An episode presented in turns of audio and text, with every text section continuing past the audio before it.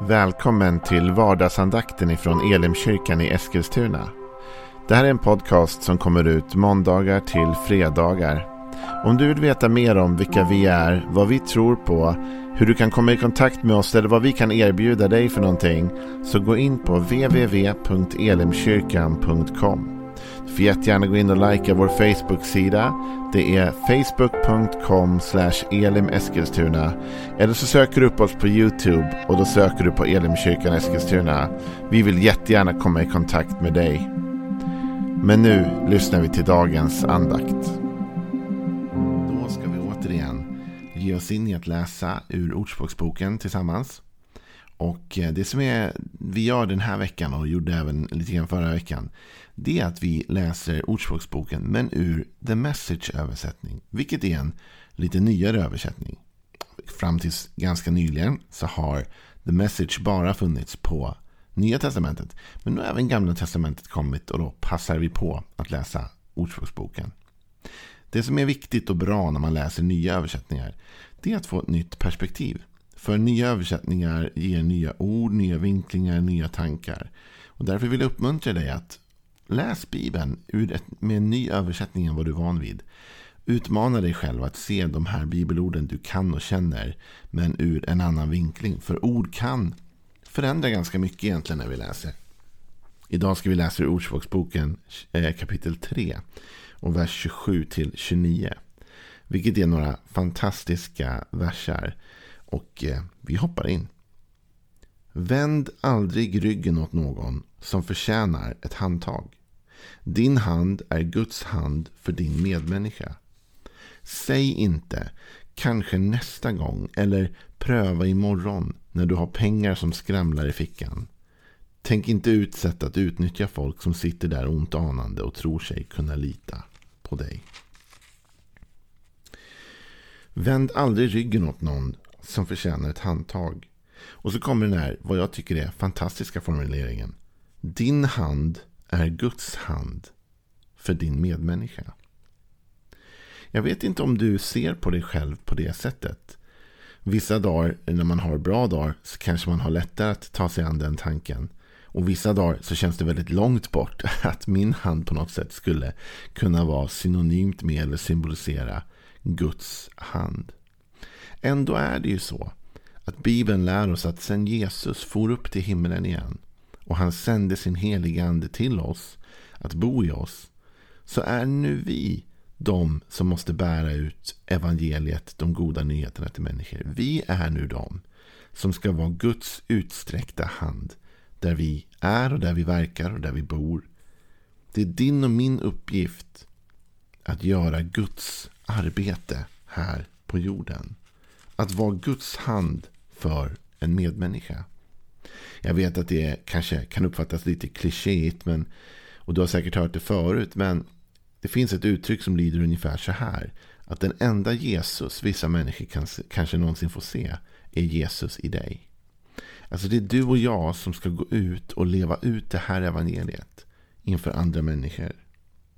Vänd aldrig ryggen åt någon som förtjänar ett handtag. Kan du och jag hjälpa till, då har vi skyldighet att hjälpa till. Det är inte så att Gud kräver av oss att vi ska hjälpa alla människor hela tiden. Men där vi har möjlighet ska vi hjälpa till. Och det är så det fortsätter. Säg inte kanske nästa gång eller pröva imorgon när du har pengar som skramlar i fickan.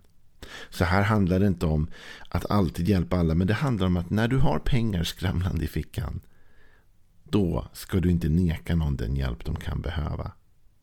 Och liksom skjuta på det eller trycka bort det. va. Det blir ett utnyttjande av människor. Det är det han säger sen. Tänk inte utsätta att utnyttja folk. Som sitter där ont anande och tror sig kunna lita på dig. Utan du och jag, vi ska ta det Gud har gett oss använda. Och nu kanske du har pengar som skramlar i fickan. Du kanske inte har pengar som skramlar i fickan. Men jag tänker mig när vi läser den här versen att det handlar inte bara om pengar. Pengar är en sak och pengar ska inte heller förringas. Om man har pengar har man skyldighet faktiskt att hjälpa till om man kan. Det är vad Gud säger här. Men det handlar inte bara om pengar. Utan det handlar också, tänker jag, om allt det som du och jag har ett överskott av.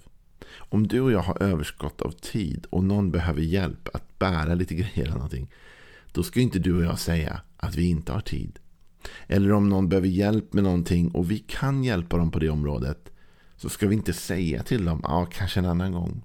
Nu passar det inte så bra. Utan om vi har möjlighet att hjälpa till så ska vi hjälpa till. Därför vi blir Guds utsträckta hand till dem. Och ibland så, om vi får utmana vår egen tanke lite grann på ett sätt som kan vara nästan lite obehagligt. Så kan vi också tänka så här. Att när du och jag nekar människor hjälp. Så hindrar vi på ett sätt Guds verk i deras liv. Därför Gud har kallat dig och mig att vara den utsträckta handen till just de här människorna som vi möter. När du och jag går ut idag och går ner på stan eller åker runt eller till jobbet eller vad vi än gör och vi möter människor så är vi Guds närvaro mitt bland de människorna. Vi är Guds händer och fötter mitt ibland dem. Och Gud förväntar sig att vi inte ska neka dem den hjälp som de kan behöva. Utan att vi ska vara hans händer och fötter och hjälpa. Att inte neka någon. Att inte vända ryggen åt någon som förtjänar ett handtag. Det här blir väldigt levande i Lukas, det tionde kapitlet. Där Jesus blir ifrågasatt eller prövad av en laglärd. Jag tänkte vi skulle läsa det sammanhanget för att det målar ut ändå det här på ett bra sätt. I Lukas 10, vers 25, och nu läser jag folkbibeln, så står det. Sedan kom en laglärd fram för att pröva honom och frågade Mästare, vad ska jag göra för att få evigt liv? Och Jesus sa till honom, vad står det skrivet i lagen och vad läser du där? Han svarade, du ska älska Herren din Gud av hela ditt hjärta och av hela din själ och av hela din kraft och av hela ditt förstånd och din nästa som dig själv. Jesus sa till honom, du svarade rätt, gör det så får du leva. Då ville mannen rättfärdiga sig och frågade Jesus, vem är då min nästa? Och Jesus svarade, en man var på väg från Jerusalem ner till Jeriko och råkade ut för rövare. De slet av honom kläderna och misshandlade honom och sen försvann de och lämnade honom där halvdöd. En präst råkade komma ner samma väg och när han fick se mannen gick han förbi. På samma sätt var det med en levit. Han kom till platsen, såg mannen och gick förbi. Men en samarier som var på resa kom också dit och när han såg mannen förbarmade han sig över honom. Han gick fram och hällde olja och vin i hans sår och förband dem. Sedan lyfte han upp honom på sin åsna, tog honom till ett värdshus och skötte om honom. Nästa dag tog han fram två denarer och gav värdshusvärden och sa Sköt om honom och kostade mer ska jag betala när jag kommer tillbaka. Vem av dessa tre tycker du var, var en nästa för mannen som råkade ut för rövare? Han svarade den som visade barmhärtighet emot honom. Då sa Jesus till honom, gå du och gör som han. Här är ju den berättelse vi ofta i folkmun kallar för den barmhärtige samarien. Det är en laglärd som försöker sätta Jesus på prov och ställer honom en fråga. Och Jesus kastar tillbaka frågan. Vad, vad, säger du själv? Vad står det i lagen? Jo, men säger den här laglärde. Du ska älska Herren din Gud av hela ditt hjärta, av hela din själ och hela din kraft och hela ditt förstånd. Och din nästa som dig själv. Och då säger Jesus, bra, du kan ju svaret. Men så står det att då ville mannen rättfärdiga sig. Så det innebär att mannen visste svaret, men han levde inte svaret. Han ville hitta en ursäkt, han ville komma undan ansvaret. På samma sätt som vi läste här i The Message, när vi läste Ordspråksboken där och det stod att vi inte skulle säga kanske nästa gång eller pröva imorgon. Alltså när vi försöker hitta ursäkterna för att slippa. Mannen vill rättfärdiggöra sig och säger, men vem är min nästa? Och Jesus tar den här berättelsen om en man som blir nedslagen och det kommer förbi människor, en präst och en levit. Det här var ju människor som borde ha tagit ansvar kan man tycka. Men de gör inte det. Och så kommer en samarier och han stannar upp och hjälper. Och han till och med betalar och erbjuder sig att betala ännu mer om det behövs. Och Jesus säger, det där är den nästa såklart. Och du och jag, vi står inför det här varje dag. Vi kanske inte står inför att vi möter människor som har blivit nedslagna av rövare. Vi kanske inte möter den typen av misär. Men vet du vad? Jag tror att varje dag så möter du och jag människor som har behov. Och varje dag så har du och jag en möjlighet att vara Guds utsträckta hand in i deras liv. Och jag menar inte att du idag måste på något radikalt sätt sälja allt du har och gå ut och bara ge ut allt du har till alla människor. Det är inte det jag säger. Men jag säger att jag önskar att du skulle se på dig själv på det här sättet som Ordspråksboken lyfter upp. Att din hand är Guds hand till din medmänniska. Att det, dina händer, dina fötter, det Gud har satt i ditt liv. Det vill att Gud att du ska använda i hans ställe. Så att för att betjäna människor runt omkring dig. Så fråga dig själv idag när du är någonstans, när du möter någon, när du ser något behov. Kan jag göra någonting? Finns det något jag kan göra för att sprida Guds kärlek? För att visa vad tror jag Gud hade velat göra i den här situationen? Och kan jag nu med hans kraft göra det?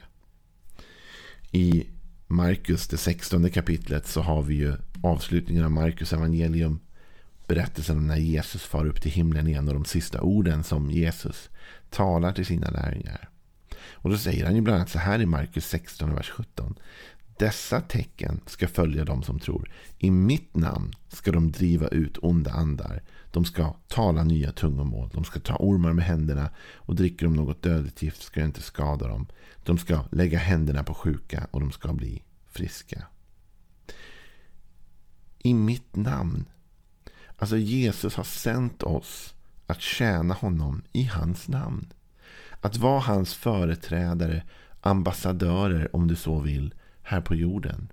Det är du och jag som nu ska vara hans utsträckta hand.